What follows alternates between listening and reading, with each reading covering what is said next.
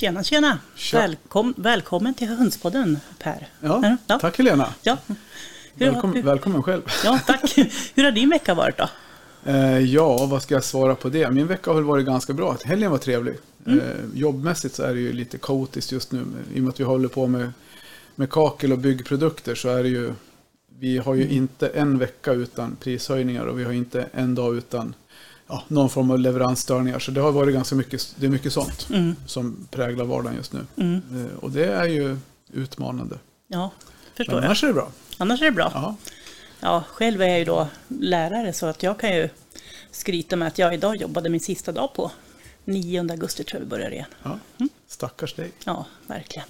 Ja, men vad kul, vad skönt. Du ni gör ju ett kanonjobb så ni förtjänar all ledighet. Ja, tack, det tycker jag faktiskt. Jo, men man ser men det gör väl fler. Men Ja, men jo, men vi, vi har lärare- jobbat in Ja, tiden. jag tänker just lärare så där. Man, ser ju, man hör ju på dig också lite grann hur låsta ni är. Och Mm. Det är svårt att kunna vara ledig om man behöver åka till SVA till exempel. Så det är Ja. inte hur lätt som helst. Och, Nej, alltså idag la jag in ansökan om att få tjänstledigt i oktober, slutet på oktober.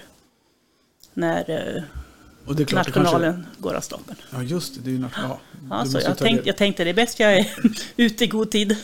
ja, men som egen företagare, då är man mer så att Ja. man kan åka när det passar. Mm. Så, ja, vi, har, vi har lite svårt med, med vikarier med i våran, Ja, verksamhet. Det är inte helt enkelt. Men det är ju samtidigt så. Har man några- några anställda så går det, löser det sig Mm. för det mesta. Du, eh, förra veckans avsnitt. Det var, Mm. ju, det var ju kul. Ja, Vi jättekul. har ju fått rätt mycket positiva reaktioner på det också. Mm, Och, verkligen eh, jättekul. Ja, och det är ju sådär. Vi, det är lite grann när det blir på önsk. Ja, på önsk. Mm. På request från, från lyssnare så blir det ju alltid lite, lite roligare att göra det också. Mm, verkligen. Sen är ju Christer är ju en fantastiskt duktig person. Absolut, Kunde. det är verkligen. Så, och idag ska vi prata med en ännu kunnigare person kanske. Ja, Jo, det är det. det måste man nog säga. Eh, och vi har, ju, vi har ju boken framför oss båda två. Japp. Eh, Världens vanligaste fågel. Mhm. Som, Och det viktiga tillägget är en kärleksförklaring till hönsen. exakt. Och det, det var ju lite, den kom- var ju med på, vi såg det där på Nyhetsmorgon. Mm. Ja, ja, Ja, precis. Då när det var lite skriverier om det där. Och Mm. bara så här, jättefascinerad. Den där boken måste jag köpa. Mm. Sen följde det lite grann i glöms, glömska. Sen så hade du med den på hönsutställningen. Ja, för jag hade ju då fått två exemplar, eller jag hade ju beställt den själv. Ja, Och sen hade jag också en fantastisk valpköpare som inte ens har höns, men som ändå ville läsa just den här boken för att hon har läst eh, de hundböcker som ja. Per Jensen har skrivit. Så, att, eh, så skickade hon den till mig sen. ja. Så det var ju väldigt omtänksamt. Så. Så, så därför hade jag ju då två, så kunde jag skänka ett till, till eh, vår utställning. till lotteriet. Japp. Jag vet inte vem som vann. Grattis Leo! Ja, Leo Berg. Leo vann ja, den. Dom, en av domarna. Ja, ordförande i Svenska Rasfjäderförbundet. Japp. Men du, vi, vi håller väl inte på det här nu längre? Nej. Vi släpper in vår gäst. Ja. Vi provar.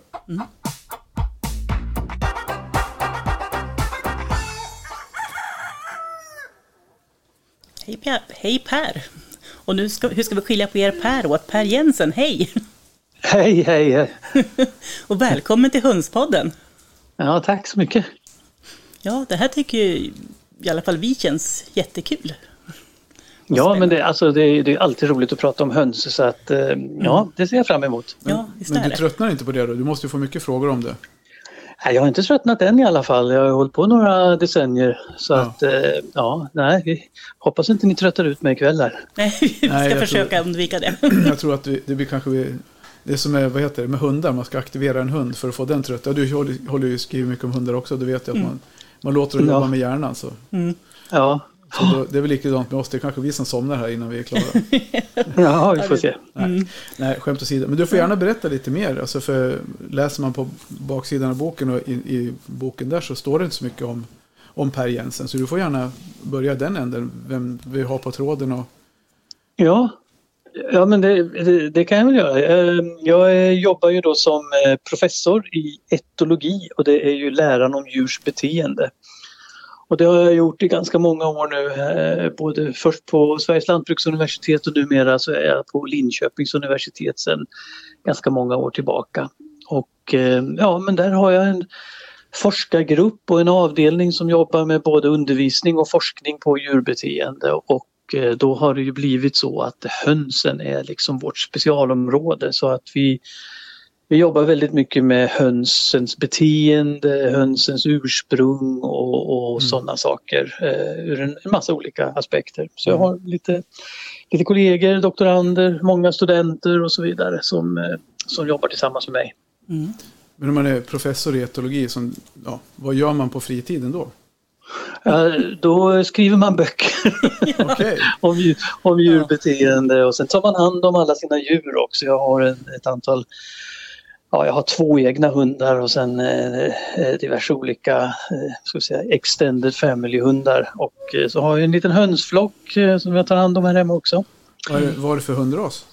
Det, det är alltid folk nyfikna på. Mm. Ja, ja, men eh, hundarna är dansk-svenska gårdshundar. Sådana okay. här små, små terrier-liknande hundar.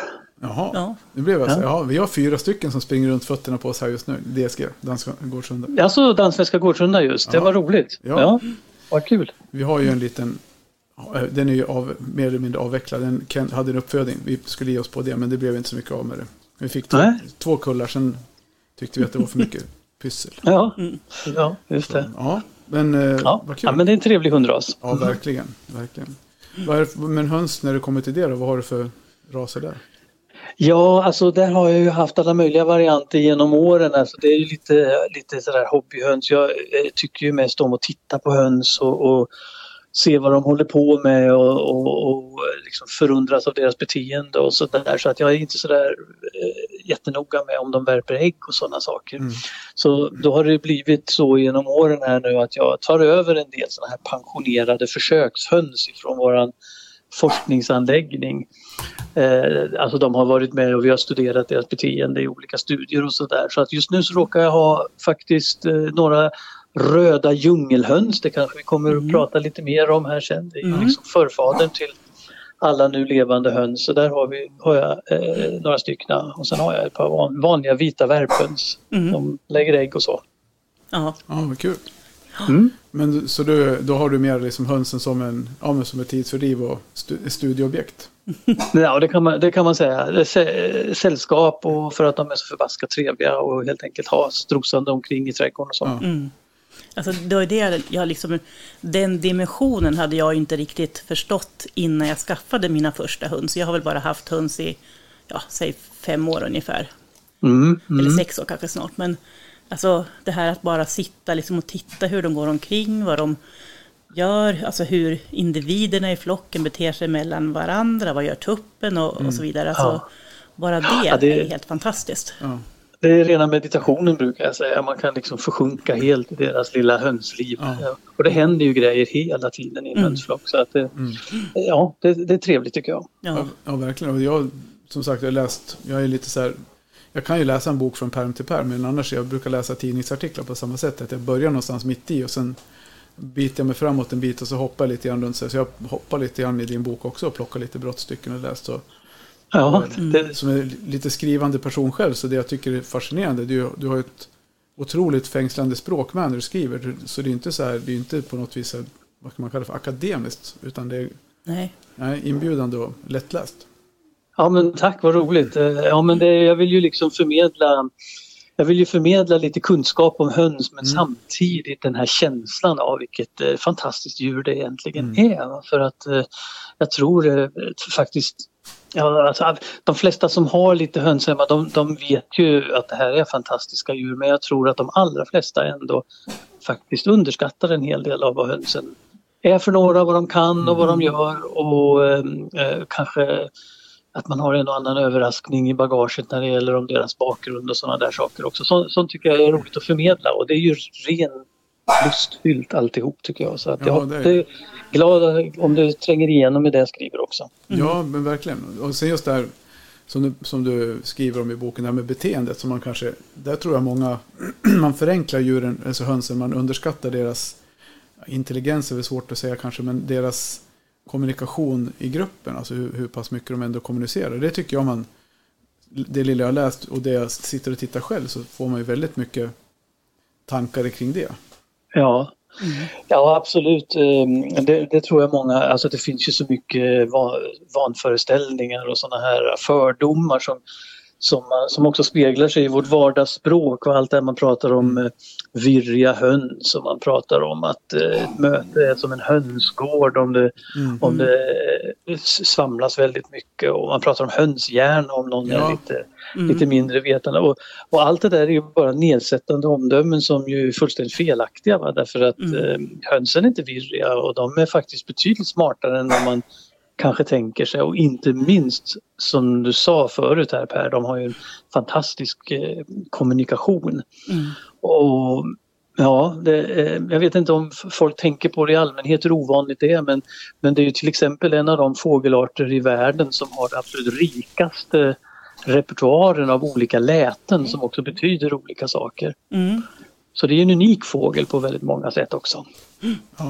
Ja. Men precis. Alltså, för du har ju skrivit det här med liksom läten och allt. Jag vet inte riktigt vilken ände vi ska börja. Det är så mycket. Nej, men vi tar det vi har. Det du, har du har skrivit ner lite grann och jag har ja. slagit upp några sidor så vi kör ju på. Nej, jag, jag tänkte liksom en av de första som rubriken som står i, i boken är ju Vad är en höna?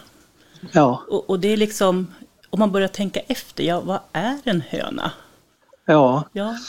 Ja, nej men eh, ja, alltså, det enkla och korta svaret är att hönan är en fågel.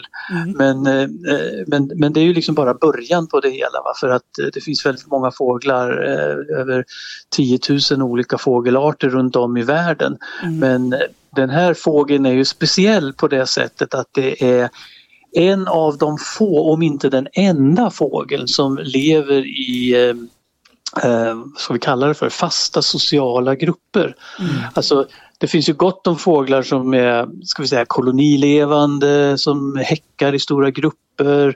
Det finns många fåglar som lever i, i, i grupper som håller ihop under en kortare eller längre tid och sådär. Mm. Men hönsen, de, de är ju liksom de är ett flockdjur som, som eh, lever i, i familjeflockar helt enkelt, som håller mm. ihop livet ut. Man kläcks in i flocken, man dör ut ur flocken mm. om man får möjlighet till det. Det här gäller ju inte alla våra produktionshöns och så som ju lever ett helt annat liv utan nu pratar mm. jag liksom om vad som är hönsens naturliga beteende, mm. ursprungliga beteende. Mm.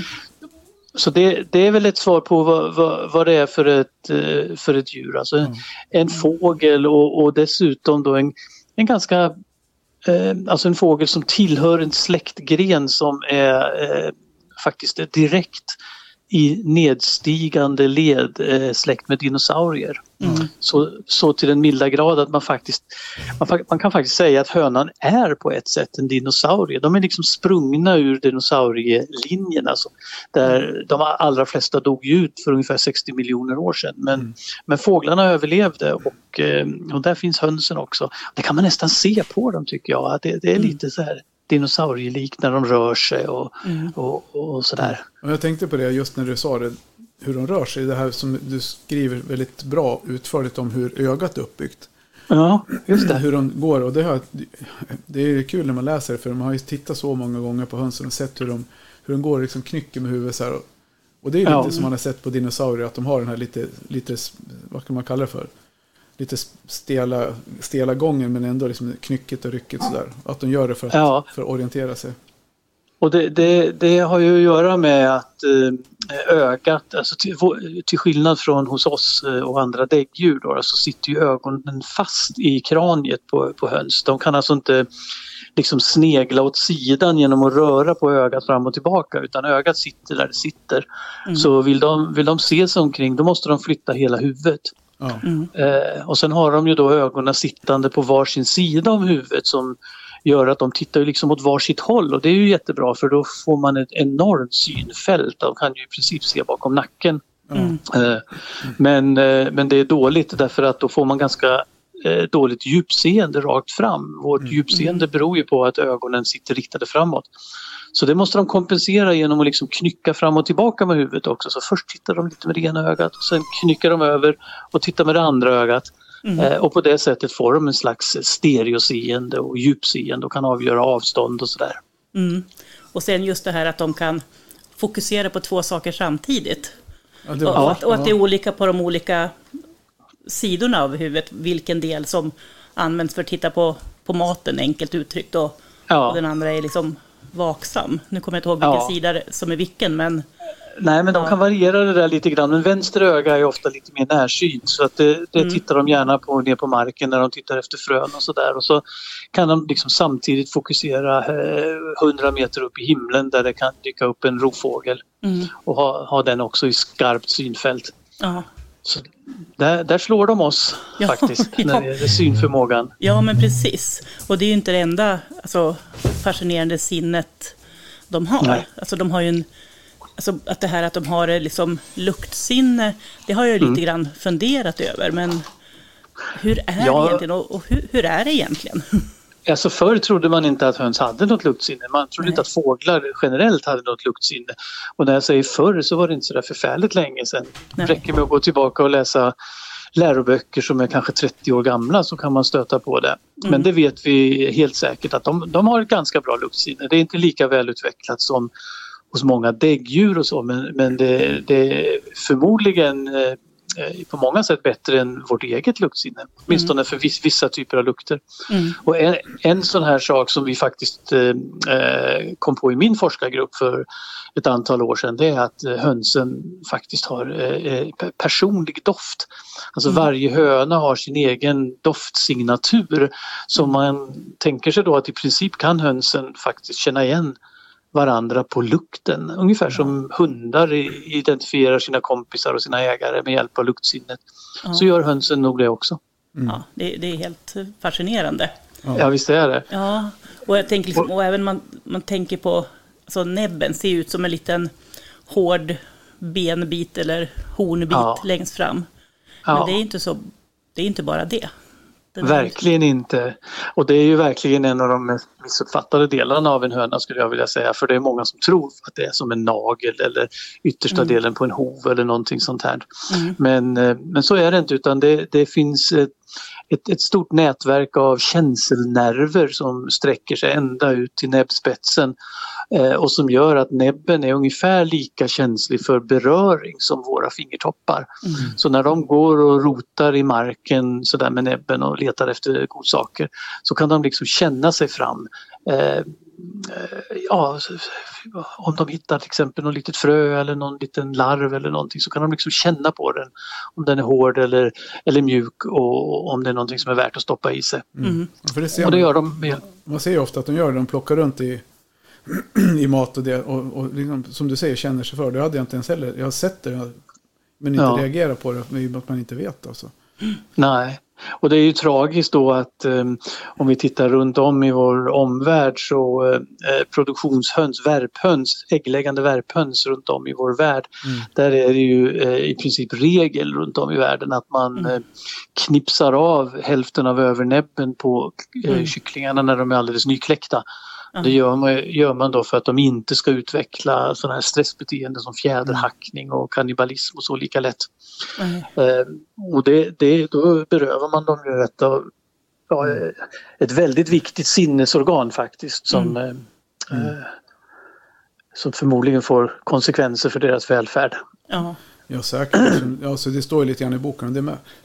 om det här med att det är fantomsmärtor. Ungefär som att du blir, Mm. blir av med en hand eller en arm eller någonting.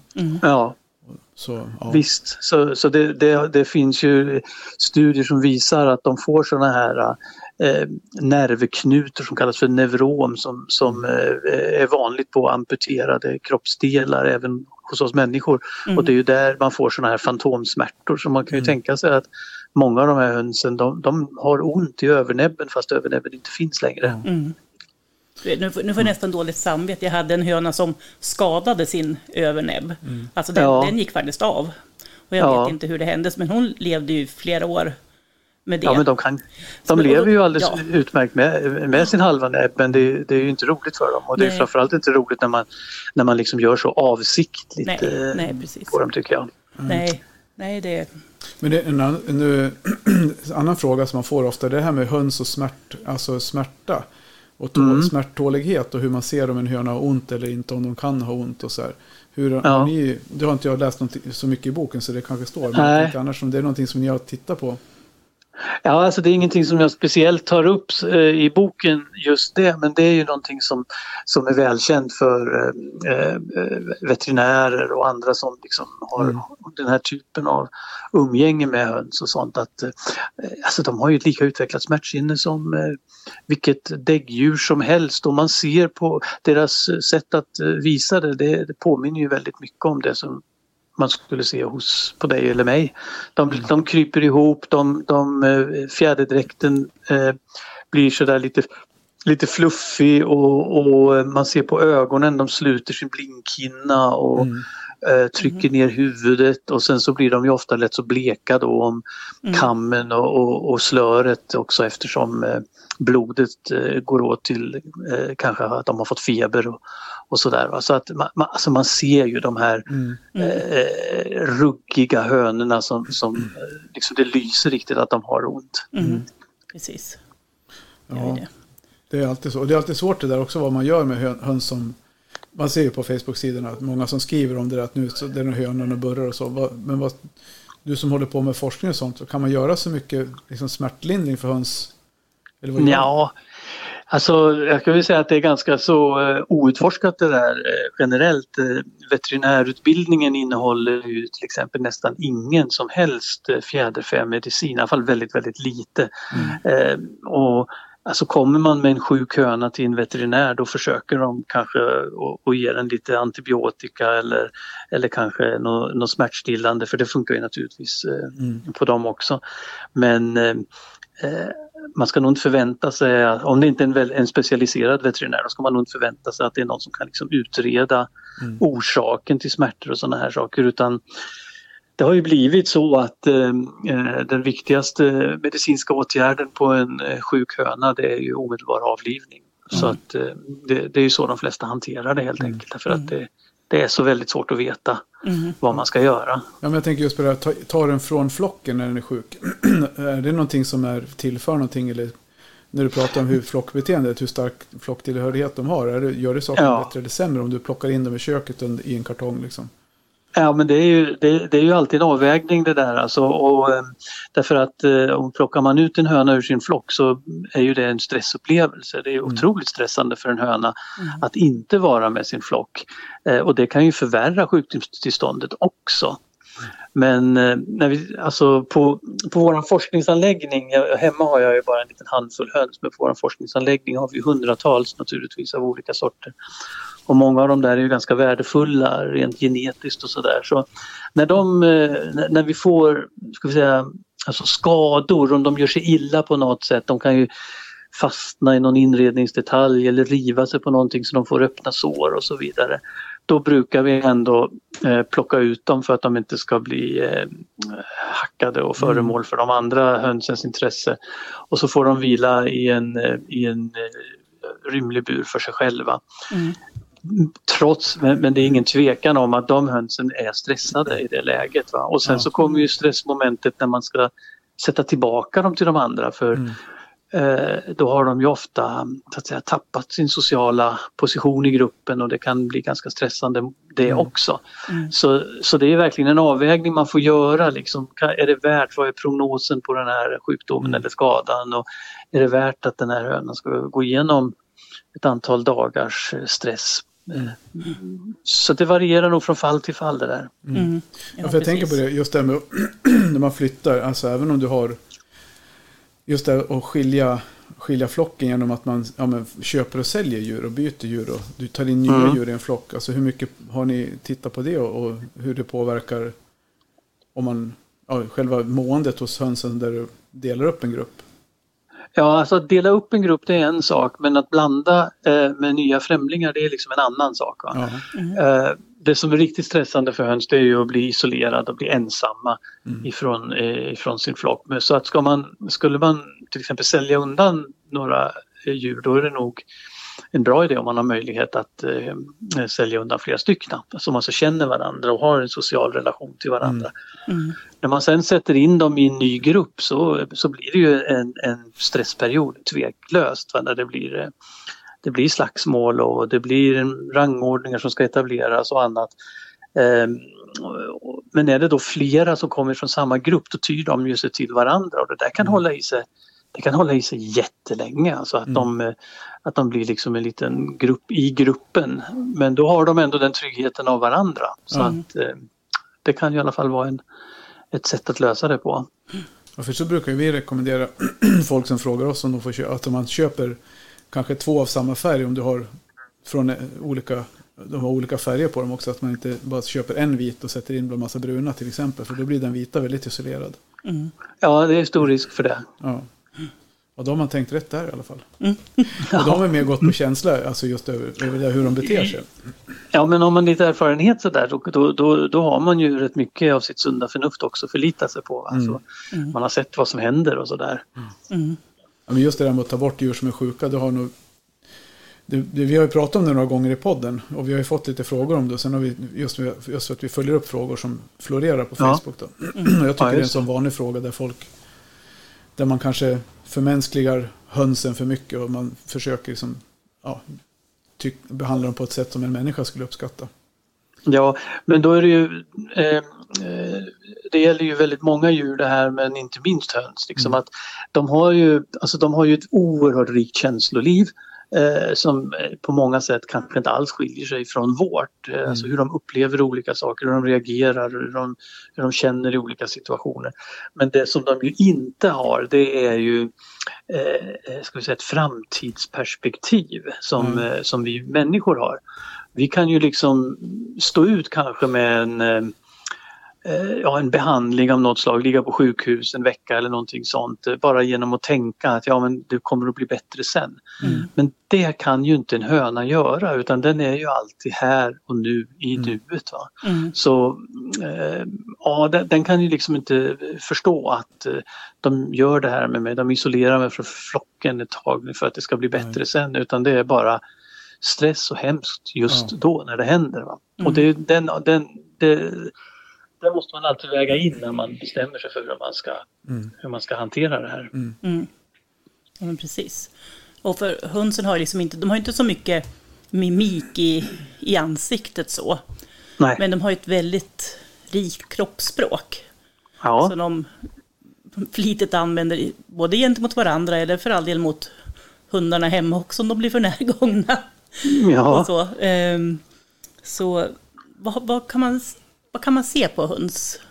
Lite, Ja men man, man, kan ju, man kan ju se, alltså det är ju rätt mycket saker som eh, blickar och kroppshållning. Det är väl egentligen det som är viktigt. Va? Men sen har, använder de ju sina vingar också när de, eh, för att göra sig större om de eh, hamnar i en situation där man vill hota en annan höna eller en fiende, en hund till exempel som råkar komma för nära. mm, Så burrar de upp fjädrarna och brer ut vingarna lite grann och fäller upp stjärtfjädrarna så att de ser större ut än normalt liksom och så, och så kan de då springa mot, eh, hotfullt då, mot den här faran. mm, Och allra mest, eh, allra mest utpräglat är ju det här hos tupparna, deras, mm, deras eh, eh, säga, aggressiva kroppsspråk. Det är ju det är något av det mest spektakulära man kan se tycker jag i, mm, egentligen i djurvärlden generellt. mm, Eh, när de liksom burrar upp de här långa, långa halsfjädrarna som blir som en stor solfjäder runt huvudet och riktar den här eh, näbben med den röda kammen och de röda haklapparna mot eh, motståndaren och så gör de sina krumbukter och hopp och, och sådär mot varandra. Och det där är ju, eh, ty- jag tycker det är fascinerande att titta på det eh, men det är jag nog inte ensam om det för att en del forskning hävdar att eh, den ursprungliga anledningen till att människor eh, en gång i tiden tämjde höns och eh, tog dem som husdjur det var framförallt för att man tyckte det var så spännande med tuppar som slogs. mm, Så många tror, baserat på en del arkeologiska fynd och sådär, tuppfäktning kanske var det ursprungliga Mm. Eh, den, den ursprungliga anledningen till att vi skaffade höns och sen kom man på då att ja men vänta nu de här äggen är ju också rätt goda mm, och man kan ju faktiskt äta upp eh, hönan när den har värpt klart och sådär. Men egentligen var man ute efter tupparna. mm, Det är i alla fall en teori som är ganska så stark. Om, när man ser tupparna göra upp sina revirstrider så, så förstår man varför det här är så fascinerande. mm, Och det är verkligen ett skådespel. Om man har två tuppar Ja. och går i en bur bredvid varandra så går de också och höjer och sänker huvuden och spänner ut nackfjädrarna. Och det är liksom, de dansar nästan ser det ut som ibland. Mm. Ja, det är som en dans verkligen. Mm. Ja, och sen tycker jag att det är lite fascinerande att se att eh, som det är som när en ledartupp så att säga förlorar då den här striden mot Ja. en yngre tupp. Hur han liksom sjunker ihop i hela kroppen. Alltså hur han blir mindre och mer oansenlig. Och medan Ja. den som tar över liksom, alltså växer upp och blir ja, mycket kraftigare och ståtligare. Ja men så är det ju. Och förloraren gör ju naturligtvis allt för att eh, då framstå som så eh, lite hotfull som bara möjligt eftersom nu vill han inte ha mer stryk helt enkelt och då gäller det att göra precis raka motsatsen till de här hotbeteendena som jag just pratade om. Så då Mm. trycker de ju in fjädrar och halsfjädrar så mycket de bara kan mot kroppen så de gör sig så små som möjligt och Mm. drar in halsen och håller ner huvudet så att de inte ska uppfattas som att de är i attackposition och sådär. Mm. Och, och, och det här vet man också från forskningen att eh, det här sitter i rätt länge så att eh, har man förlorat ett slagsmål så där som tupp så eh, då håller man sig undan från slagsmål under lång tid efter det, även mot helt andra tuppar som inte har varit inblandade i, i de här stridigheterna alls. Mm. Så de har ju ett långt minne också som, eh, eh, ja, som visar sig bland annat i sådana här saker. Mm. Men en sak när vi pratar om tuppar som är också väldigt vanlig. Alltså, det är ett vanligt problem, men det är även en vanlig fråga som, som springer runt. Alltså aggressiva tuppar, tuppar som är dumma mot människor. Eh, lite grann vad det beror på, men så även om det finns någon, någonting man kan göra ur, alltså beteendemässigt man kan liksom göra för att få tuppen att inte bli aggressiv. Ja. Ja, om det är någon som har något bra tips eh, kan de ju väl höra av sig till podden där så kan väl ni ringa mig sen då. Ja. För att jag har inte kommit på något bra sätt. Alltså förklaringen till det där, det kan vara lite allt möjligt faktiskt men jag tror att en vanlig förklaring eh, i, i, i väldigt många fall eh, så handlar det om det vi kallar för felprägling. Och det har helt enkelt att göra med att när kycklingar kläcks så under en kort period efter kläckningen så har de ett sådär extremt öppet sinne så de tittar sig om efter vad som skulle kunna vara deras föräldrar, vad som skulle kunna vara någonting som indikerar vilken art de tillhör. För det, där, är- det, det vet de inte från kläckningen, det är liksom inte genetiskt programmerat i dem.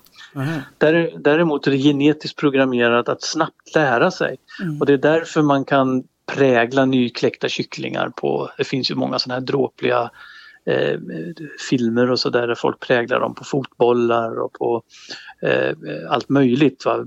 Det handlar bara om att de, det första stora som de får se efter kläckningen det tar de liksom till sig och behandlar som om det är deras mamma.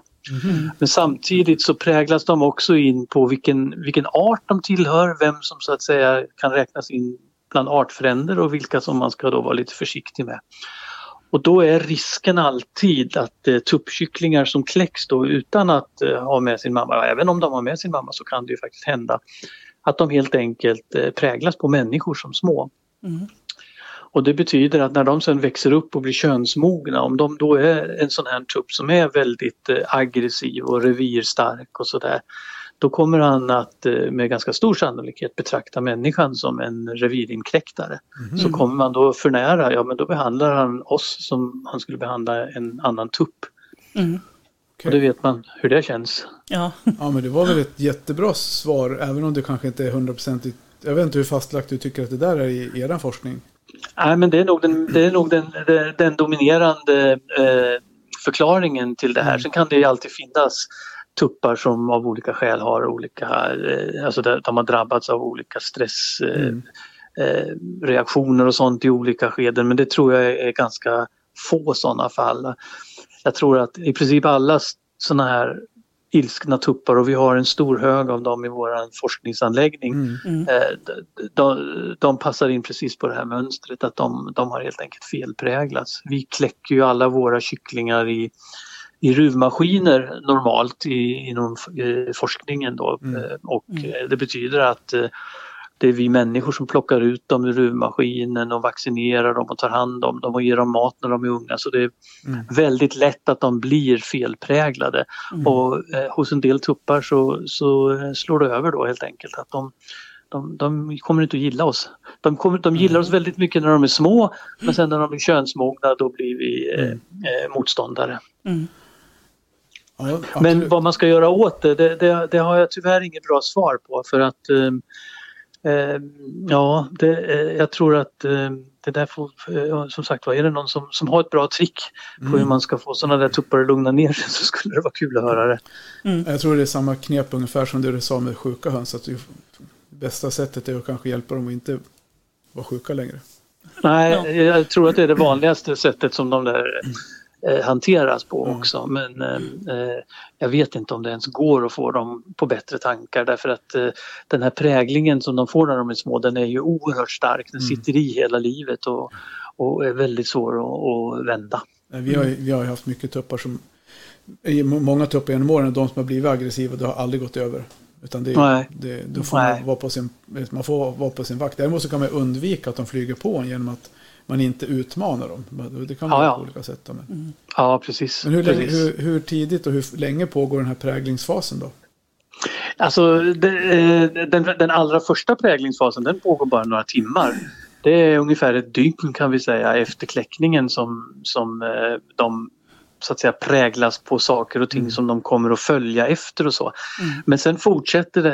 eh, eh, eh, Den här första präglingen den brukar man kalla med, ett- med en fin term för filialprägling eller efterföljnadsprägling. Det är då de liksom lär sig vem som är ens förälder. Men sen pågår det under en längre tid något man kallar för sexuell prägling. När de liksom lär sig vilken art man tillhör och sådär. Den kan hålla på i flera veckor. Det. Så under den perioden kan det vara bra att, ha dem att gå med kanske äldre kycklingar eller någonting då. Ja, ja verkligen. Eh, Och kan man, kan, har, man en, har man en möjlighet att låta en höna kläcka fram kycklingarna så minskar ju de här riskerna avsevärt. Ja, absolut. Ja, för en, en hundsmamma, det måste jag säga, det är ju ändå den bästa sortens mamma. Ja. Även Verkligen. Ja, det låter Och ju inte alltid vi- så när man säger det till en människa, men jag, jag vill hävda att de är bäst. Ja men alltså eh, det där är ju ett annat sånt här uttryck. Jag, eh, jag tycker det är så fascinerande med de här nedsättande uttrycken som vi har om djur av olika slag. Och hönsmamma är också lite sådär nedsättande. Va? Och, eh, men när jag är ute och föreläser så brukar jag visa lite små filmer och bilder på hönsmammor. Mm. Just för att illustrera att det är ju det mest, det mest omsorgsfulla och kärleksfulla egentligen som man kan se.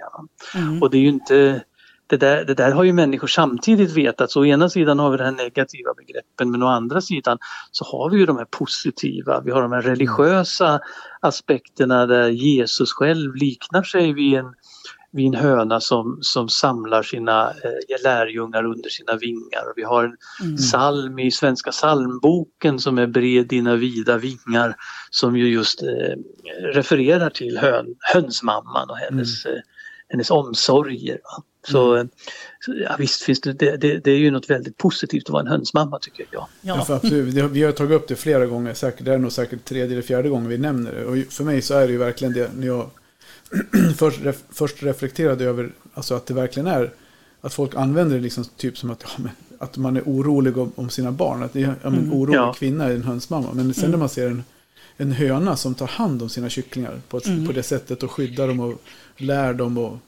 Ja. det är en undervisning som de håller på Ja, med. Mm.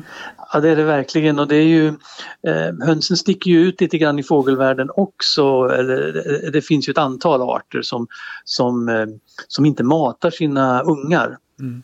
Ehm, och hönsen hör ju dit då. då. Ungarna är ju, är ju full, fullgångna kan man säga när de kommer ut ur ägget och eh, kan ju direkt börja äta själva. Så de är ju inte beroende av att ma- mamman liksom plockar ihop mat åt dem eller stöter upp mat eh, som många fåglar gör. Eh, och då kan man lätt få för sig att ja men eh, då, då har ju mamman ingen större funktion för hon, hon behöver inte mata dem. Men har man sett hur en höna tar hand om kycklingarna så inser man att det, hon matar dem på sitt sätt för det, hon springer ju hela tiden och letar Ja. efter sånt som man kan äta och så har hon sina särskilda lockläten.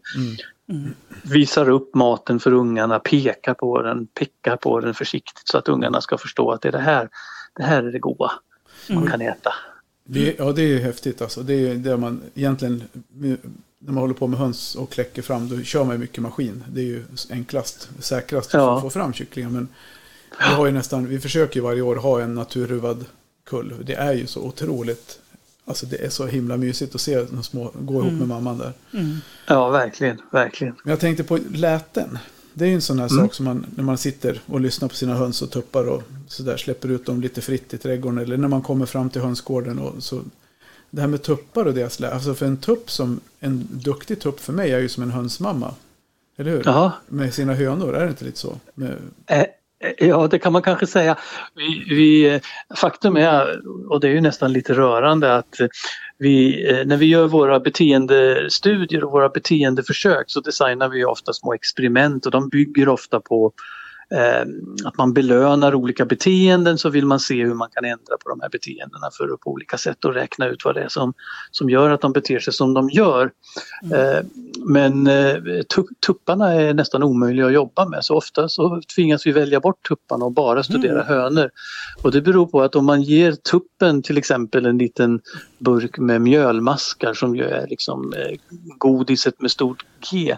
Ja men då, då vill han inte äta upp det där utan då börjar han genast leta efter hönor istället och ser han ifrån sig de här lockropen istället och försöker säga kom hit, kom hit, det finns godsaker här.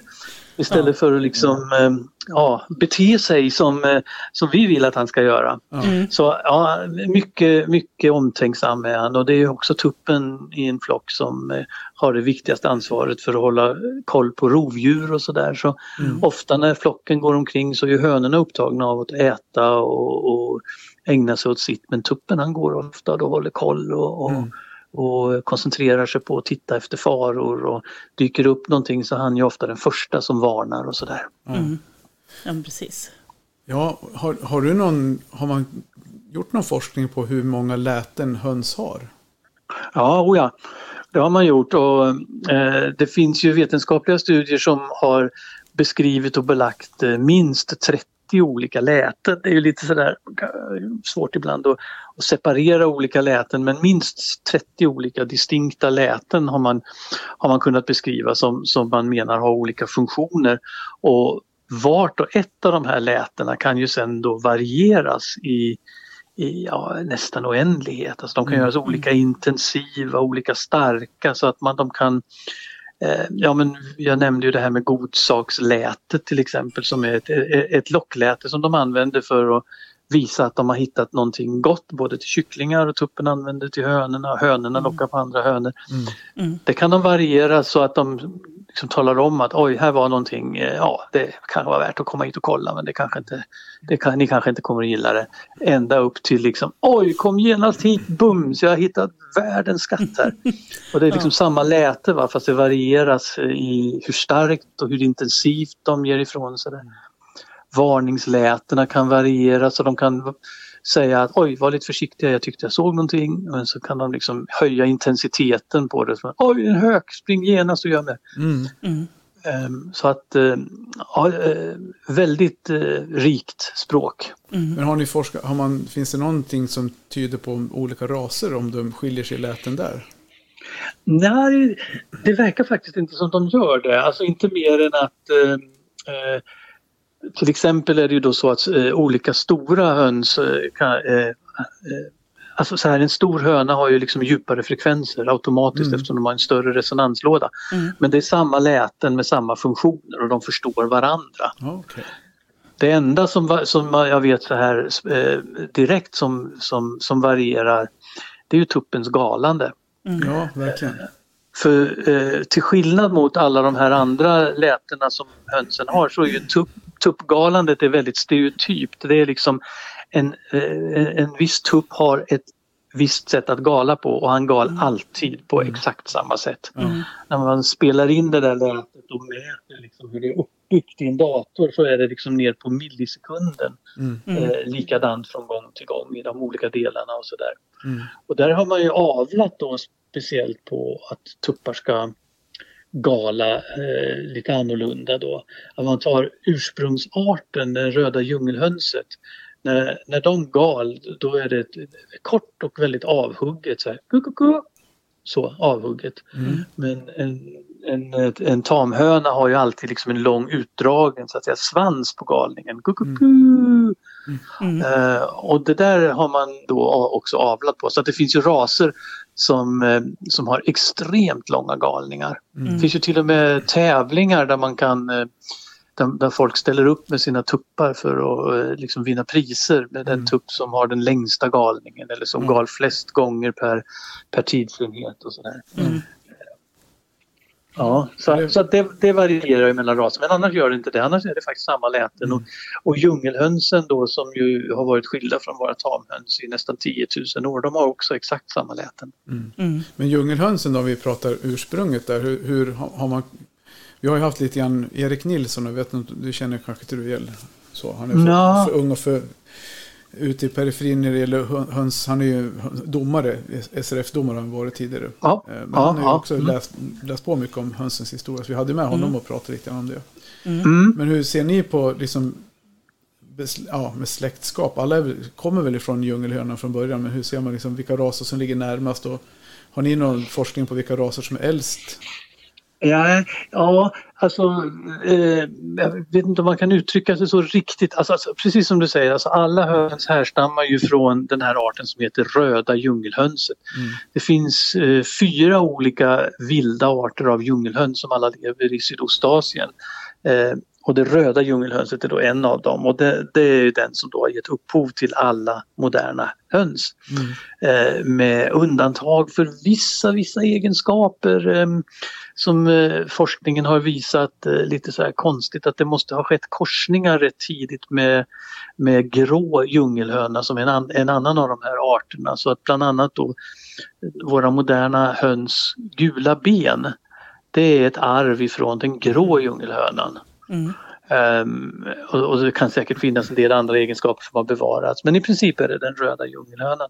Mm. Sen, sen har ju då raser utvecklats eh, ifrån dem genom årtusenden.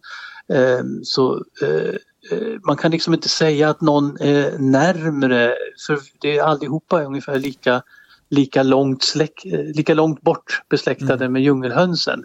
Däremot är de ju mer eller mindre djungelhönslika. Så att eh, de här dvärghönsen, till exempel svensk dvärghöna och sådär, de, är ju, de går ju knappt att skilja från, från de vilda djungelhönsen. Men det betyder inte att de är närmare släkt med dem utan bara att, de, att man helt enkelt inte har avlat fram så många, eller man har inte koncentrerat sig på så många andra egenskaper hos dem mer än att ja, de, de får väl se ut som de gör ungefär och då har de fortsatt att se ut som djungelhöns. Mm. Men är den röda djungelhönset, är det sånt du har hemma hos dig eller? Ja precis. precis. Vad har den för egenskaper som, är, som du tycker om? Nej men den har egentligen, eh, den är ju precis som vilken höna som helst. Det, det som skiljer den från eh, en vanlig tamhöna är ju egentligen kanske inte sånt som folk egentligen vill ha av sina höns. De är till exempel betydligt räddare och mer skygga. Eh, mycket svårare att eh, tämja, de blir aldrig såna här eh, gosedjur som, eh, som en, eh, en höna som man liksom har av, någon lantras eller, eller något sånt här och, och, och tar hand om från början. Eh, Även om man gör som en djungelhöna så är de, förblir de liksom skeptiska och avvaktande och lite skyggar hela livet ut. Men de är ju oerhört vackra, de är ju fantastiskt vackra.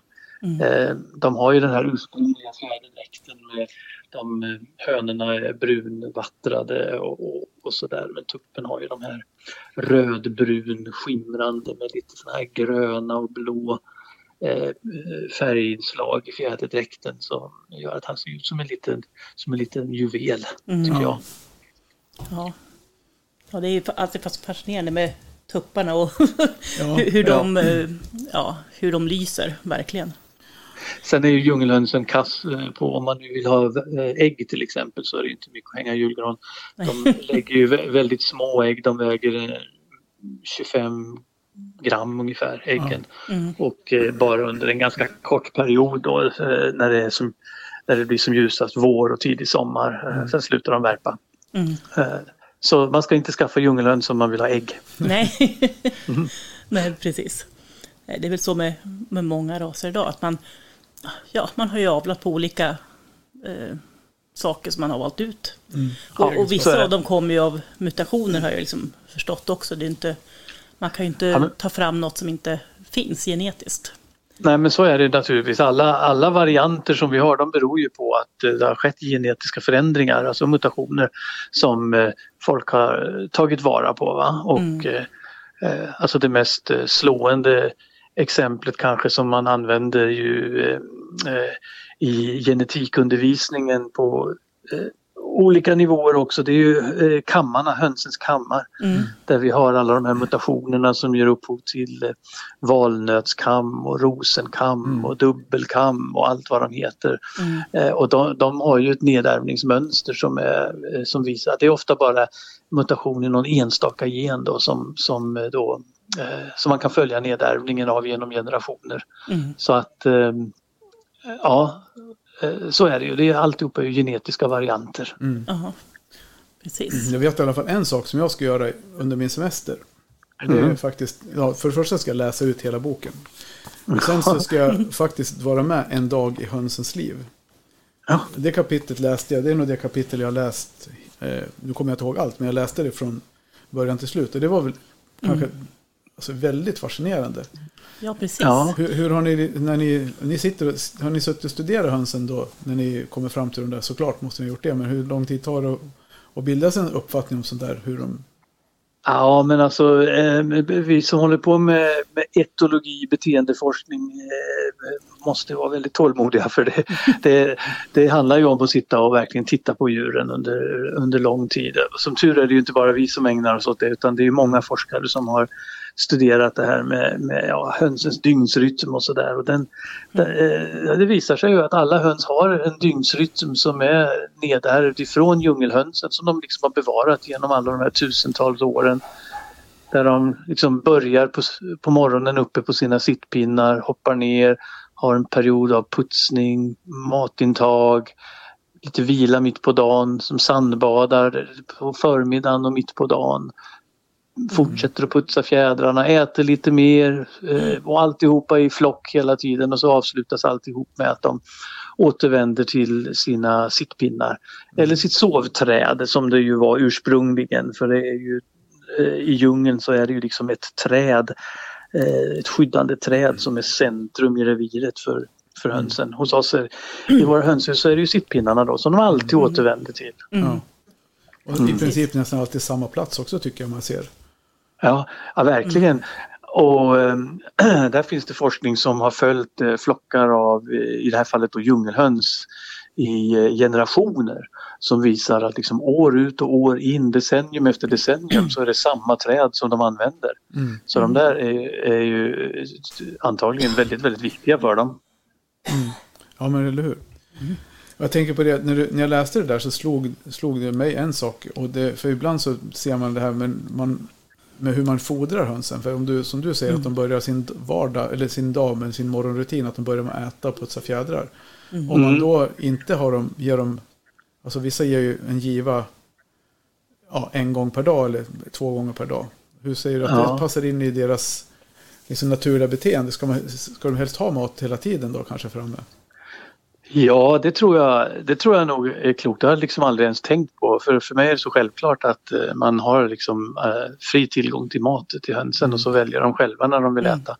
Och då ser man ju att det är ju, det är ju framförallt då direkt efter natten så är de ju hungriga naturligtvis när de har suttit och sovit en hel natt. Mm. Och, och, och då, då ägnar de sig åt att äta ett bra tag och sen eh, eh, är det annat ett litet tag efter det. Men, Mm. men då gäller det att maten finns där när de, Mm. När de Ja, vill precis. ha den. Ja, precis. Jo, för jag har för mig att jag läste i boken att det var en väldigt stor andel av sin dag som går åt just åt födosök. Ja men det här är ju födosöksmaskiner. För det är ju en annan sak Mm. med hönsen som, som man måste komma ihåg och som, som skiljer dem ifrån många andra fåglar och många andra djur överhuvudtaget. Och det är att de är ju extrema allätare. Mm. Eh, De flesta arter är ju ofta specialiserade på någon sorts föda. De kanske är åtminstone är växtätare eller köttätare. Men många är ju ännu mer specialiserade än så på bara vissa sorters växter och sådär. Mm. Men hönsen äter ju i princip allt, allt som, som, eh, som kan komma över. Mm, Utom, Det- bränn, utom brännässlor. Ja, ja, ja jo, Inte men det är tråkigt va? ja, eller hur? Ja. Ja. Eh, nej, men alltså växter och insekter och, och ehm, eh, bär och blad och liksom allt som kan vara, innehålla näring. Mm. Och det som är typiskt då för en sån allätare, då måste man liksom tänka sig in i hur situationen är där i regnskogen där de har uppstått och levt i årmiljoner. Eh, Det är ju att eh, eh, mattillgången varierar ju från dag till dag så det som man åt igår är ju inte alls säkert att det finns kvar idag när man hoppar ner från pinnen. Så att därför så är de ju programmerade att ständigt söka efter föda. Eh, Så att hönsen, om de får gå fritt så här så de gör ju inte mycket annat än går och sprätter och pickar Mm. och sprätter och pickar och sprätter och pickar och letar efter mat och det är så man överlever som allätare. Mm. Just det med allätare då. Har ni någon... Ja, för det är också en så här ständigt återkommande fråga. Vad, som är, vad höns kan och inte kan äta. Vad som är rent farligt för dem. Finns det någon sån forskning på vad som är direkt giftigt för höns? Om det är något sånt. Om de känner det själva eller om de äter det de... Ja, nej, alltså jag, jag är ju tyvärr inte någon specialist på just utfodringssidan så att här, här ska jag nog vara lite försiktig. Eh, eh, Självklart finns det saker som är giftiga eh, för dem men samtidigt så har de också ett ganska rikt utvecklat eh, instinktsliv när det gäller just vad man kan äta och vad man inte kan äta. Mm. Och de har ju ett väldigt bra smaksinne, det trodde man ju inte heller för.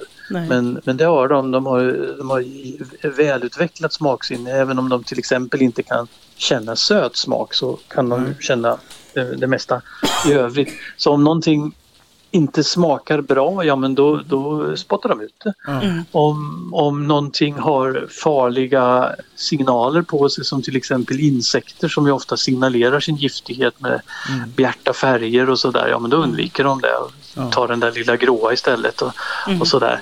Men självklart kan de bli förgiftade som alla djur kan bli då. Men Mm. eh, exakt vad som är dåligt för dem, det, det vågar jag nog faktiskt inte säga sådär. Vi, får fråga vi får fråga en veterinär kanske eller någon foderexpert. Ja, eller en foderexpert tror jag är bra här. Ja, Absolut. Nej, men generellt har de ju hyfsat bra koll själv ja, det, ja det har de ju absolut. Ja. absolut. Jag har aldrig varit med om att mina höns har blivit förgiftade av något och då går ju de fritt i trädgården och Mm. plockar i sig i stort sett vad de har lust till. Ja, Ja. ja men precis. Ja, det har jag hört någon gång. Det var någon som hade gett dem eh, typ jordgubbar. För, alltså mycket jordgubbar. Och det hade de blivit sjuka av. Alltså, Ja, men, eh, Kanske har med mängd att göra också. ja, kan, ja. Ja, jag ska berätta det för våra höns här för de, Ja. eh, de är en liten pest när de kommer in i jordgubbslandet här. Ja, Ja, nej, vi har våra höns äter jordgubbar eller, eller någon, det är så här, det som Ja. blir över när man nu haglar det här. ja, Ja, Nackdelen med att sitta i ett uterum. ja, Eh, Ja, ja, men det är just precis. Det att de brukar vilja rensa upp det här sista som kommer från stubb, snupp, man snoppar jordgubbarna. Då brukar de tycka det är kul att plocka med. ja. ja precis. precis. Mm. Det brukar jag ge mina också faktiskt. Ja. Och att de äter tomaterna men inte tomatplantorna. För tomatplantorna ska de tydligen inte äta. Men det har de koll på. Ja. Tomaterna, Ja, ja. tomaterna däremot går bra. Ja, ja precis. Ja, Ja, ja det, det, det, är en hel värld det där med foder och sånt men det hoppas jag ni hittar någon annan som, som kan mer om. ja precis. ja, absolut.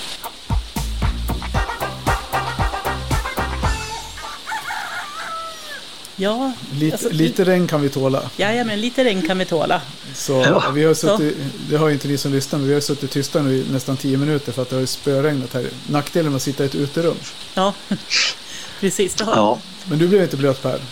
Nej, tyvärr. Jag skulle gärna vilja ha lite regn där jag sitter också för det är väldigt torrt i markerna här. Ja, det är det. Ja, det, har varit, det har varit en väldigt torr vår faktiskt på det sättet. Mm. Eh, Men vi har ju lite, några, vi ska avrunda alldeles strax och vi har, har ju pratat väldigt mycket. Vi kom ju till en punkt nästan innan det började regna där man kände att, Mm. att vi var klara. Mm. Så Mm. fick vi ett litet regnavbrott och sen hann man liksom... Jag tänkte, Ja. hur länge har man hållit på med det här om man är professor? Eh, förlåt, jag tror inte jag hörde riktigt. Vad sa du? Hur länge jag Hur har... länge har man hållit på med det där, alltså professor i etologi, hur länge har man hållit på med det här för att bli professor? Oj, ja, gud. Jag eh, vet inte om jag ska avslöja hur gammal jag är men eh, jag kan ju säga att jag, är jag, jag Ja, men om jag nu avslöjar då att jag har hållit på i över 40 år så inser du att jag är inte purung i alla fall längre. Nej. Utan jag har varit med ett tag i, i, i det här. Ja. Mm. Så, eh, ja, det har blivit några år. Men eh, det, det är lika roligt fortfarande. Ja. Ja. Mm. Ja, ja, men det är ju fascinerande. Alltså, både som, alltså även jag är ju som hunduppfödare också. Så att just Ja. det här, både hundars och, och hunds beteenden Mm. är ju jätteintressant. Så jag, jag kan förstå din, din fascination och passion. Ja. Ja, ja, och det finns ju hur mycket som helst att liksom studera vidare. För varje grej man upptäcker så kommer det ju tio nya saker man vill ta reda på. Ja, ja precis. Ja, nu verkar det som att det börjar regna igen. Så vi, vi, vi får återkomma till dig en annan gång Per och prata mer. Nu har vi pratat mycket så vi, vi avrundar Ja. här tycker jag. Eller hade du någon Ja. fråga Helena? Nej, alltså, det, jag tänker att vi kan avvakta. Jag tänker att vi har fått Ja. så himla mycket intressant information nu. Så att, Så vi gör så. och, och Men- annars ja. så kan man ju faktiskt läsa boken. Det, kan, det Där tycker står det ni ska ännu göra. mer. Ja, jag tycker ni ska läsa boken ni som hör det här. Om ni hör vad vi säger. Läs ja, boken. ja, precis. Det tycker jag också kan jag säga. Mm. Ja, det tycker jag. Så, ja, men du, häng kvar Per så snackar vi lite mer om några, några sekunder. Så tack för att du var med i avsnittet. Ja, men tack för att jag fick komma. Tack ska ni ha. Tack så jättemycket. Regnet det bara öser ner. Ja, ja vi, vi har ju inte alltid haft så mycket tur med Nej, våra, ja. vårat ljud. Det har ju hänt alltså, att Ja. det har kommit små störningar och, och sånt där ibland. Och det här regn, det var ett avsnitt tidigare det regnade. Ja, men, Men, inte eh, så här länge som, Nej, precis. Nu som vilket som tur är inte märks i avsnittet för det kommer Per att klippa bort. Inte det här. Nej, men alla de tio minuterna däremellan. Ja, de är borta. ja, Ja, men jag tyckte det var fantastiskt intressant. ja, Och jätteglad att vi fick möjlighet att ringa upp Per. ja, verkligen, verkligen. Per Jensens bok Världens vanligaste fågel. En kärleksförklaring till höns. Den Mm. tycker jag är ett måste på Ja, julklappslistan. Ja men Och alltså, semesterläsning. och semesterläsning. Jag menar alltså, varenda hönsägare borde läsa den här Ja, boken. Det, det, definitivt. alltså jag har ju läst den igen nu alldeles Mm. precis inför det här som sagt. Och eh, jag kan inte nog poängtera hur, Mm. Nej. hur väl värd den är att läsa.